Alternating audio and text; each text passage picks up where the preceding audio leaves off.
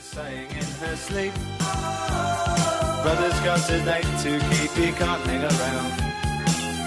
Our house in the middle of our street. Our house in the middle of our, our house. It has a Varje vecka så läser vi om olika våldsdåd. Det är mord, det är brända bilar, det är skjutningar och ungdomar som utsätts för olika förnedringsbrott.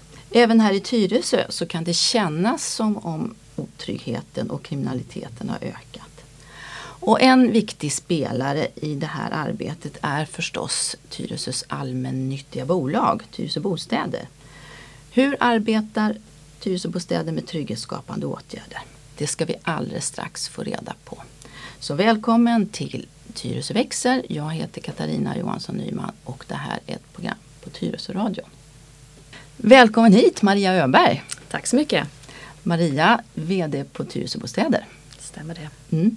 Vi träffades i början av året du och jag och vi pratade även då en del om trygghet och sådär. Men eh, till att börja med, hur har din sommar varit? Denna pand- pandemins år? Den har varit väldigt annorlunda. eh, Som väldigt många av oss har fått uppleva. Men ändå känner man ta vara på de möjligheter som finns och hitta nya sätt att leva. Mm. Både på jobbet och på fritiden. Mm, precis. Mm. Ja, Tyresö Bostäder, ni gör ju och har gjort en hel del saker, trygghetsskapande åtgärder, framförallt i Graningsringen. Där det här projektet då som kallas för Tryggare Graningsringen startade. Berätta, vad har ni gjort i sommar till exempel? I sommar så har det varit väldigt mycket aktiviteter där. Eh, dels så har vi haft två projekt, två stora projekt som har rullat. Både att installera eh, och renovera eh, vår sopsugsanläggning. Och sen så har vi dragit in fiber i alla lägenheter. Och det har vi gjort i alla våra bostadsområden avseende fiber. Sen nu i sommaren så har våra ungdomar, sommarungar, varit där. Tillsammans för Tyresö, tillsammans för Gransing och Trollbäcken är ju projektet Eh, när det gäller sommarungdomar. Så tryggare Graningsringen, ett tryggare Graningsringen är då det, det andra projektet du tänker på. Vi har haft 75 ungdomar eh, i, två veckor i stöten med, med eh, 25 ungdomar vardera som har då gjort massor med saker. Eh, rensat ogräs, de har rensat sly, planterat, reparerat både bänkar och annat. De har målat tunnlar, källargångar, byggt insektshotell och funnits runt om i ringen, i alla fall på dagtid. Och de här ungdomarna, är det företrädesvis ungdomar då ifrån Graningsringen eller är det hela Tyresö? Det är företrädesvis från Graningsringen men sen har vi också plockat in några från Trollbäcken för i den här sommaren så gällde även projektet Trollbäcken. Och då sa vi att då ska ungdomar från våra bostadsområden där få möjlighet också. Och måste man bo hos Tyresö Bostäder för att få möjlighet till, till de här anställningarna?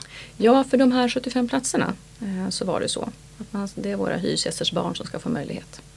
Och sen vet jag också att ni har gjort andra saker. Eh, ni har börjat jobba med det som vi kallar för trygghetsbesiktningar. Ja. Vi eh, tog hjälp då med ett, eh, en konsult kan man säga som gjorde då en rejäl genomgång av främst Graningsringen. Vi ska sedan utöka till andra områden också men det är där vi kände att vi behövde gå över och se över alla våra lås, dörrar, utrymmen, hur det ser ut eh, och vad vi kan göra då, vad vi får förslag på åtgärder sen.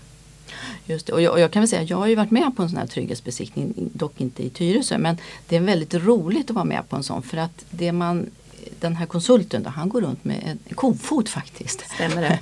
och, och rycker i olika dörrar och med Tyvärr är det så att med ett väldigt lätt grepp, och jag har fått testa själv, så kan man få, ofta få upp en dörr om det är fel sorts dörrar. Och tyvärr är det så att det kan vara även nya dörrar som är felinstallerade. Så det är jätteviktigt att just titta på hur dörrarna ser ut. Mm, ja men jag har förstått det också och jag vet inte om jag ska kalla det roligt men det är intressant i alla fall. Ja, precis. Så. Jag hoppas inte vi tipsar så många Nej. med det här också. Men det är, ju faktiskt så att det är tyvärr eh, så finns det en balans mellan att skapa den här tryggheten och sen att göra det tillgängligt. För vi har ju tillgänglighetskrav att de som har kanske mindre förmåga att orka öppna dörrar och ta sig in ska också ha möjlighet och då blir den här balansen, den krockar ofta. Så kan det vara förstås. Ja.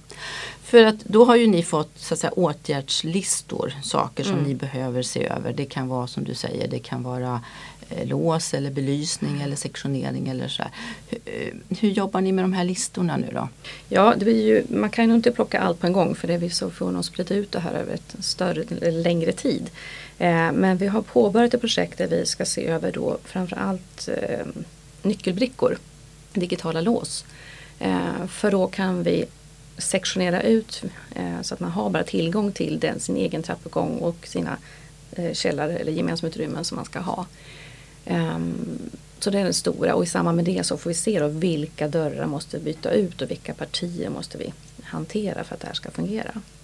Sen är det belysning, jätteviktigt att det fungerar. Rörelsestyrd belysning är också en trygghet. Man vet om det är någon har precis gått där nere i källaren. Till exempel om man går ner. Um, vi um, har målat en del av källargångarna. Det var sommarungdomarna som fick till uppgift att göra det. Och bara det att det blir ljust, man får vitt och fräscht, känns mycket tryggare. Och sen är det där att sektionera så att man, man inte kommer åt hela källargången utan bara den del man själv ska ha. Just det. Och, och, när du berättar här så förstår man ju att det här är ju saker som ni behöver lägga ut på flera år. För det är Mm. klart att det här är ju inte gratis att göra alltid. Nej. Eh, framförallt det här med, med lås och, och sånt kan ju kosta en hel del. Mm. Men, men som du säger, det som är också bra med sådana där digitala brickor det är ju att om man om någon flyttar till exempel då plockas man ju bara bort ifrån systemet även om man inte har lämnat in sin bricka. Precis. Så då kan man inte komma in längre. Mm. Sen har vi också eh, börjat fasadtvätta våra eh, fasader på Gransringen. Eh, det var ju några hus som gjordes i ordning för ett antal år sedan med ombyggnation av balkonger. Eh, sen har det projektet tyvärr då gått i stå på grund av att upphandlingsregler sätter så mycket käppar i hjulen. Det, gick, det som gjorde då kan vi inte göra idag och då blir det mycket dyrare. Men däremot har vi tvättat fasader och eh, ska, det är det en, en fastighet kvar som ska fasadtvättas och det blir ju jättestor skillnad bara det. Ja precis, och, eh, för jag har ju själv gått där och, och det är ju eh, verkligen Alltså det har ju funnits ett behov och man har ju också sett på andra ställen där ni har gjort det vilken skillnad det har blivit. Mm. Det blir väldigt stor skillnad och det gör jättemycket för det totala intrycket. Ja, verkligen. Kul. Jag vet också att ni har jobbat med utemiljön. Berätta. Ja, eh, det har ju som sagt eh, inte bara sommarungdom- sommarungdomar utan vår egen personal har ju gjort väldigt mycket. Eh, återigen en balans mellan vad ska man ta bort och vad ska man behålla för att skapa trivsamheten. För att vi har ju många som vill behålla väldigt mycket grönt och luftigt samtidigt som man också vill se till att man röjer upp och, och ser till att det inte blir eh, otryggt och, och mörkt och skuggigt och så. Eh, så det har gjorts mycket det. Vi har förstärkt belysning och framförallt på stråk där det har varit lite mörkare och bakom tvättstugor och så för det blir lite gärna hängområden där också. Sen har vi renoverat eh, eller bytt ut en massa pergola. Så att de är öppna nu, genomsläppliga så att säga. Så man ser igenom på ett annat sätt men ändå skapar den här trivsamma miljön. Så man kan se vilka som hänger där så att säga och känna sig trygg och gå dit. Mm. Precis. Mm. När jag läste på kommunens hemsida när man just pratar om, om de här åtgärderna så pratar man också om störningsjour. Men är det något nytt som har kommit? Eller det, har, det har ni haft tidigare, Ja, eller hur? Störningsjour har vi haft eh, väldigt, väldigt länge. Eh, men sen i slutet på juli så har vi trygghetsvärdar som vandrar och går runt i området mellan, på onsdagar till lördagar på kvällstid. Mhm. Och de kommer från stiftelsen På rätt väg som är ett gäng brandmän som vid sidan av, en del är kanske pensionerade men också vid sidan av sina jobb ordinarie, så eh, hjälper de till och, och i sådana här projekt då. Framförallt så handlar det mycket om att få ungdomar i, som har lite socialt utsatta områden att eh, ordna jobb och komma in i samhället. Eh, men vi eh, i första ledet här då eh, vill ha dem som trygghetsvärdar som finns där som man kan ringa till om man känner sig otrygg eller man vill tipsa om man sett någonting eller vad det kan vara. Och de är väldigt, väldigt duktiga på att skapa kontakt med ungdomarna och, och prata med dem och man kommer lite närmare. Så där har vi tillsammans då med stiftelsen och representanter från den här gruppen, då, tryggare Gransringen, eh, träffat ett gäng ungdomar eh, för att skapa den här dialogen med dem. Och vilka tider är de i området då? De är från 18 på kvällen till klockan 12. Jag är inte helt riktigt säker på. Eh, eller om det är något senare på fredag, lördag. Mm. Mm. Så från onsdag till lördag alltså, så Mm. finns de här i området. Det är ju Mm. jättebra. Mm. Och har ni, har, har ni lyckats få ut den här informationen? För det kan ju ta ett tag innan folk liksom förstår att de här finns. Mm. Vi ville först inte eh, slå på stora trumman när vi, när vi drog igång det här. Därför att vi har märkt att om vi eh, försöker liksom störa ut lite. Vi gav till exempel polisen tillträde eh, till våra källargångar i Gransringen vilket resulterade i tändstickor och lim i låsen. Eh, som en liten markering. Eh, så det fick vi jobba bort. Eh, och då sa vi att det är bättre att de här får komma in och skapa den här relationen med ungdomarna innan vi går ut och berättar det här. Men nu har ni börjat berätta om det. Yes. Eftersom du sitter här. Ja. Precis. Och då förstår jag att ni också har ett nära samarbete med polisen. Ja, och det har ju också varit en stor framgångsfaktor att vi har en kommunpolis som heter Ola Åkesson som har säkert varit här intervjuats också tror jag. Eh, Och eh, där har vi en bra dialog eh, och kan få hjälpas åt med olika aktiviteter och åtgärder. Mm. Upplever du att den polisiära närvaron är större i Graningsringen just nu till exempel? Ja, det är det. Den är, polisen är mycket mer synlig. Vi får eh, samtal från hyresgäster som säger att de ser dem oftare och vi märker att de här ungdomarna börjar förflytta sig lite grann. Från när de har hängt tidigare så hittar de nya ställen för de blir störda. Och, och där de brukar hänga, har det varit just runt torget Ja, mest? det har det varit. Mm. Och var drar man sig då? då? Eller det, det Ja, kan de- vara olika? Det kan vara olika och vi Mm. har ju märkt också att det förekommer fler incidenter runt om i Tyresö också. Det är inte bara Graningsringen så att det sprider ut sig. För jag tänker på, eh, i Skarpnäck hade man ju det som kallas för Skarpnäckslyftet. Eh, där man ju jobbade väldigt framgångsrikt, alltså polisen, socialtjänsten och allmännyttan tillsammans. Eh, och, och det man ju märkte det är att många av familjerna kan bli oroliga om man förstår att man riskerar att förlora sitt hyreskontrakt. Om ungdomarna, om barnen är stökiga. Så där såg man att det var väldigt liksom ett bra framgångskoncept. Eh, Har ni något motsvarande samarbete? Med, Socialtjänsten och polisen, Ja. alltså att man går hem till familjer och pratar när det har hänt någonting till exempel. socialtjänsten är ju med i det här projektet eh, men jag tror inte att vi har gjort, så, kommit så långt att vi går hem och pratar med familjerna. Men det är ju klart en önskvärd utveckling att vi kommer dit än. Eh, om man nu ser att det har gett resultat. Mm. Du och eh, torget då, ICA står fortfarande tomt. Ja, va, va, är, det här i, väntan på detaljplanen? Eh, Det, det kommer inte hända någonting där just nu eller hur, vad händer så att säga? Vi fick ett glädjande besked i torsdags att Hemköp ska öppna på Gransingen. Och då ska vi säga att idag är det då måndag 28 eh, september som vi gör den här intervjun. Så ja, i torsdags fick ni glädjande besked. Ja. Vad roligt! Ja, det är roligt. Vi äger ju inte den fastigheten. Utan det är ju en privat eh, som har köpt den i väntan då på att detaljplan ska bli klar.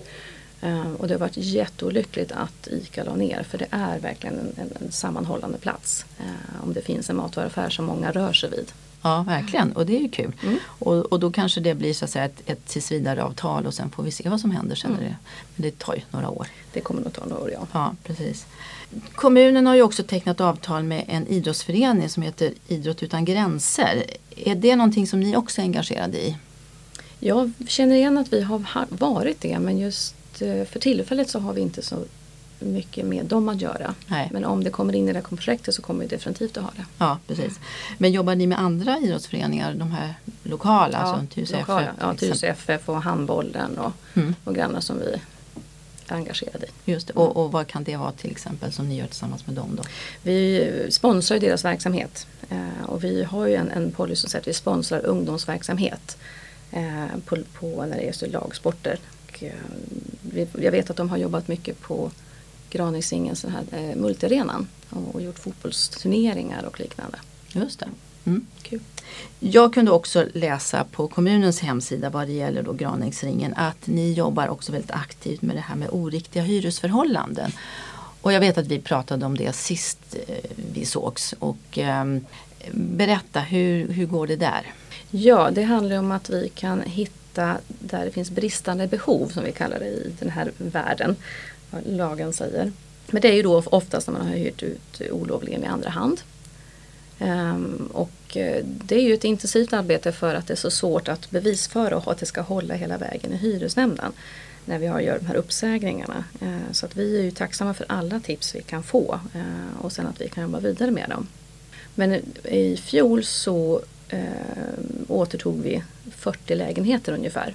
Oj, Eh, det är bra. Det är bra, det är Mm. jättebra. Mm. Där det då kunde, konstateras bristande behov och i allra flesta fall så var de frivilligt så att de lämnade tillbaka lägenheterna. Några fick vi dra till hyresnämnden. Mm. Några har varit eh, återtag så det kallas därför det var eh, helt enkelt att det var okej. Mm. Vi hade- Sen när 40 var eh, uppsagda för bristande behov men sen så kunde man se att det kanske ibland överlåtelse till något barn eller vad det liknande som hade då rätt förutsättning för att ta över kontraktet. Just det. Mm. Och, och 40 det är ju ungefär 1 procent. Mm. Så det är ju en ganska hög siffra så att Mm. säga, av, av ert totala bestånd. Eh, Och i år har vi ungefär mm, i alla fall 15 som vi kan konstatera som vi har jobbat med. Mm.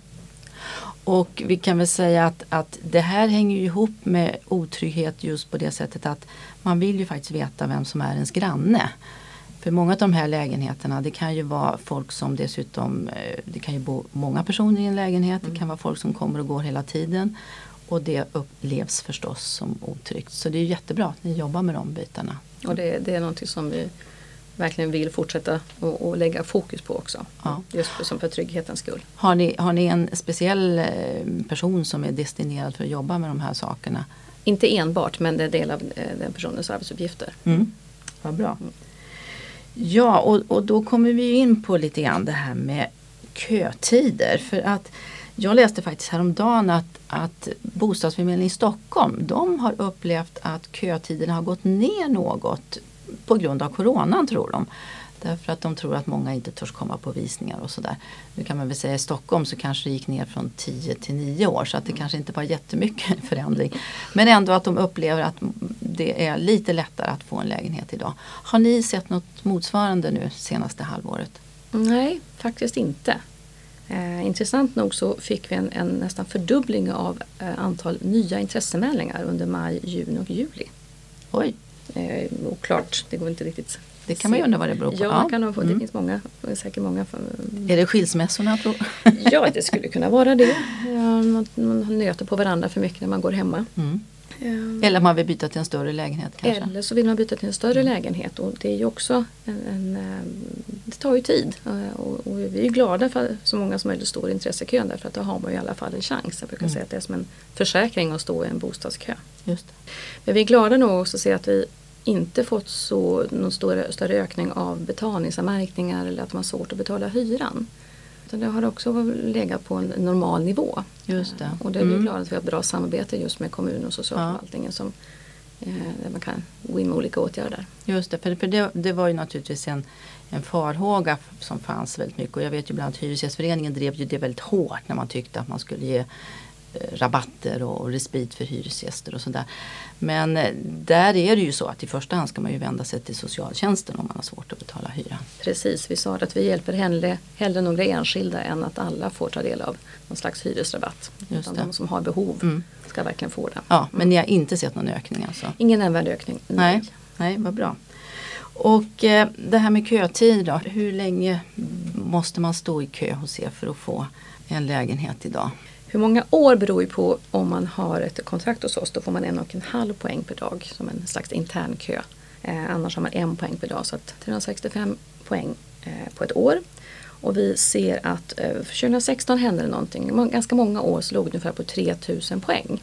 Och det är ju knappt 10 år. Ja. Ja. Eh, och det har stadigt tickat uppåt sedan dess. Att 2019 så var snitttiden 4300 köpoäng och det är ju liksom 12-13 år. Oj. Mm.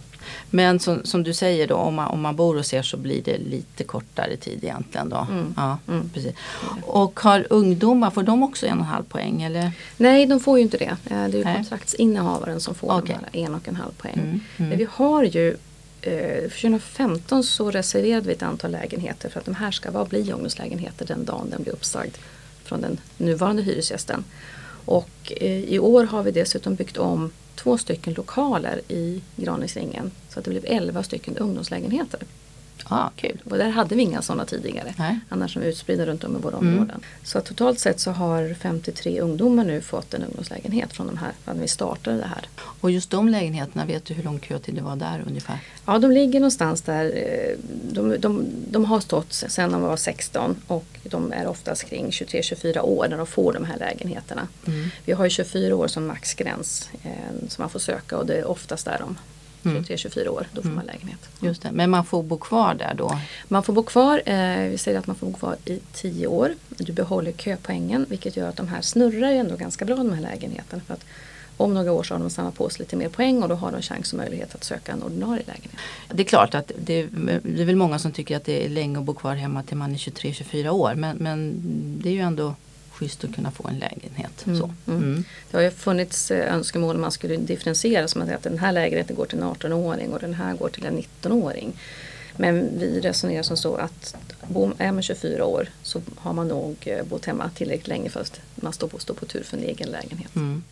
Och, och just så, det, så har ju bostadsförmedlingen Stockholm jobbar ju på det sättet Mm. att man har lite differentierat men, men man kan ju göra på olika sätt. Mm. Eh, Och kan du säga någonting om kötider i, i olika områden? Jag antar att det kanske är lättare att få i Granängsringen.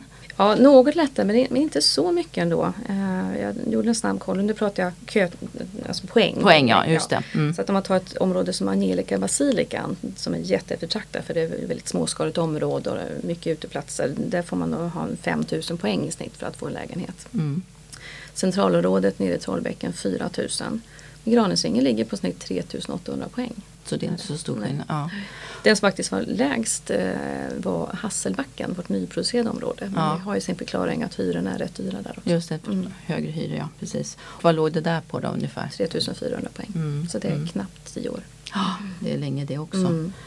Jag tänkte vi ska också prata lite grann om era byggplaner. Jag var inne och tittade på kommunens hemsida och just nu har ni då två projekt vad jag förstår, detaljplaneprojekt som är på gång. Det ena är Graningsringen, Graningstorget och det andra är kvarteret Gösen.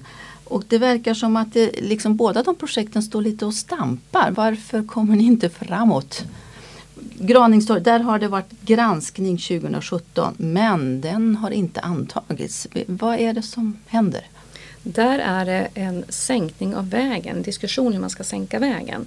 För det planen gäller ju även ska det, norra sidan av Graningsvägen som går runt ringen där Akelius har ett område.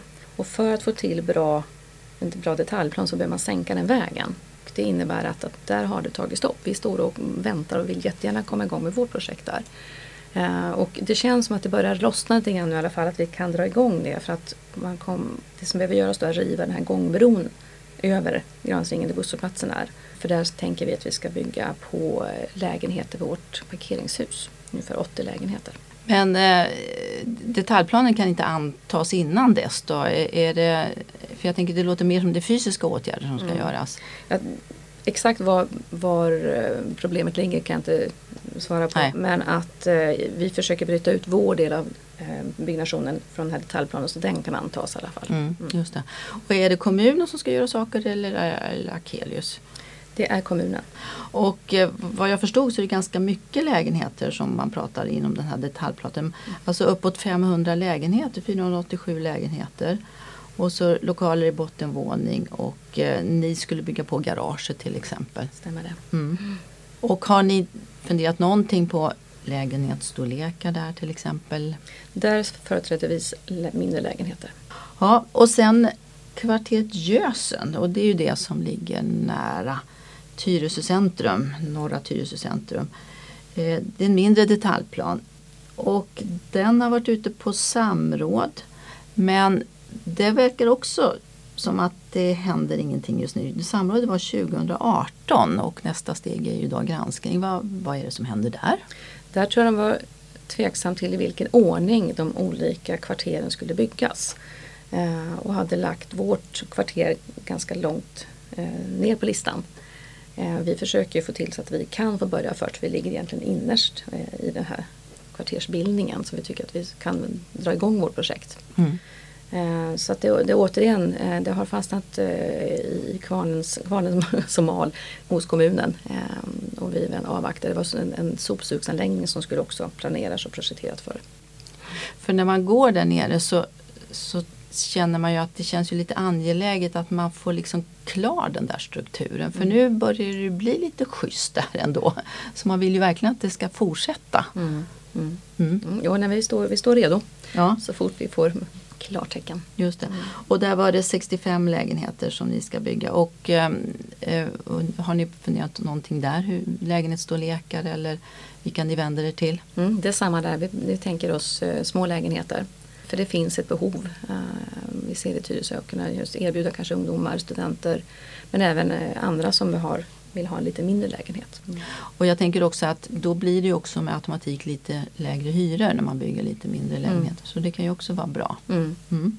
Och eh, Björkbacken då, det är ju ett projekt som har diskuterats en hel del.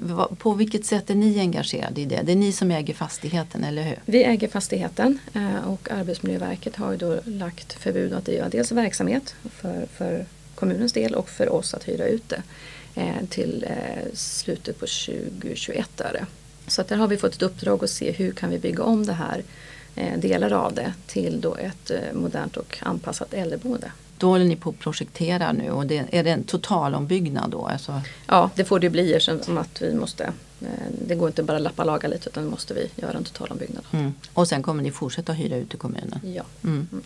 För, för det har ju också varit vissa i alla fall politiska partier tror jag som har velat att man skulle kanske göra om det till något annat, ha liksom, ungdomslägenheter och det skulle ju funka som. Men, men det är inte aktuellt nu utan nu är det för äldre så att säga. Mm. Som läget är just nu så ser det ut så. Ja, då vill jag säga tack så mycket till dig Maria Öberg från Tyresö Bostäder. Tack så mycket för att vi kom än en gång. Ja, alltid roligt att ha dig här och höra för att det är ju så att, att när man är VD för ett allmännyttigt bolag så händer det hela tiden saker. Och jag vet ju att senaste programmet som vi gjorde var det väldigt många som lyssnade på så att det finns ett allmänt stort intresse i Tyresö för att höra vad som händer mm. med Tyresö Bostäder. Roligt att få berätta. Och då säger jag tack så mycket och jag heter Katarina Johansson Nyman. Brothers got to to keep, you can't hang around.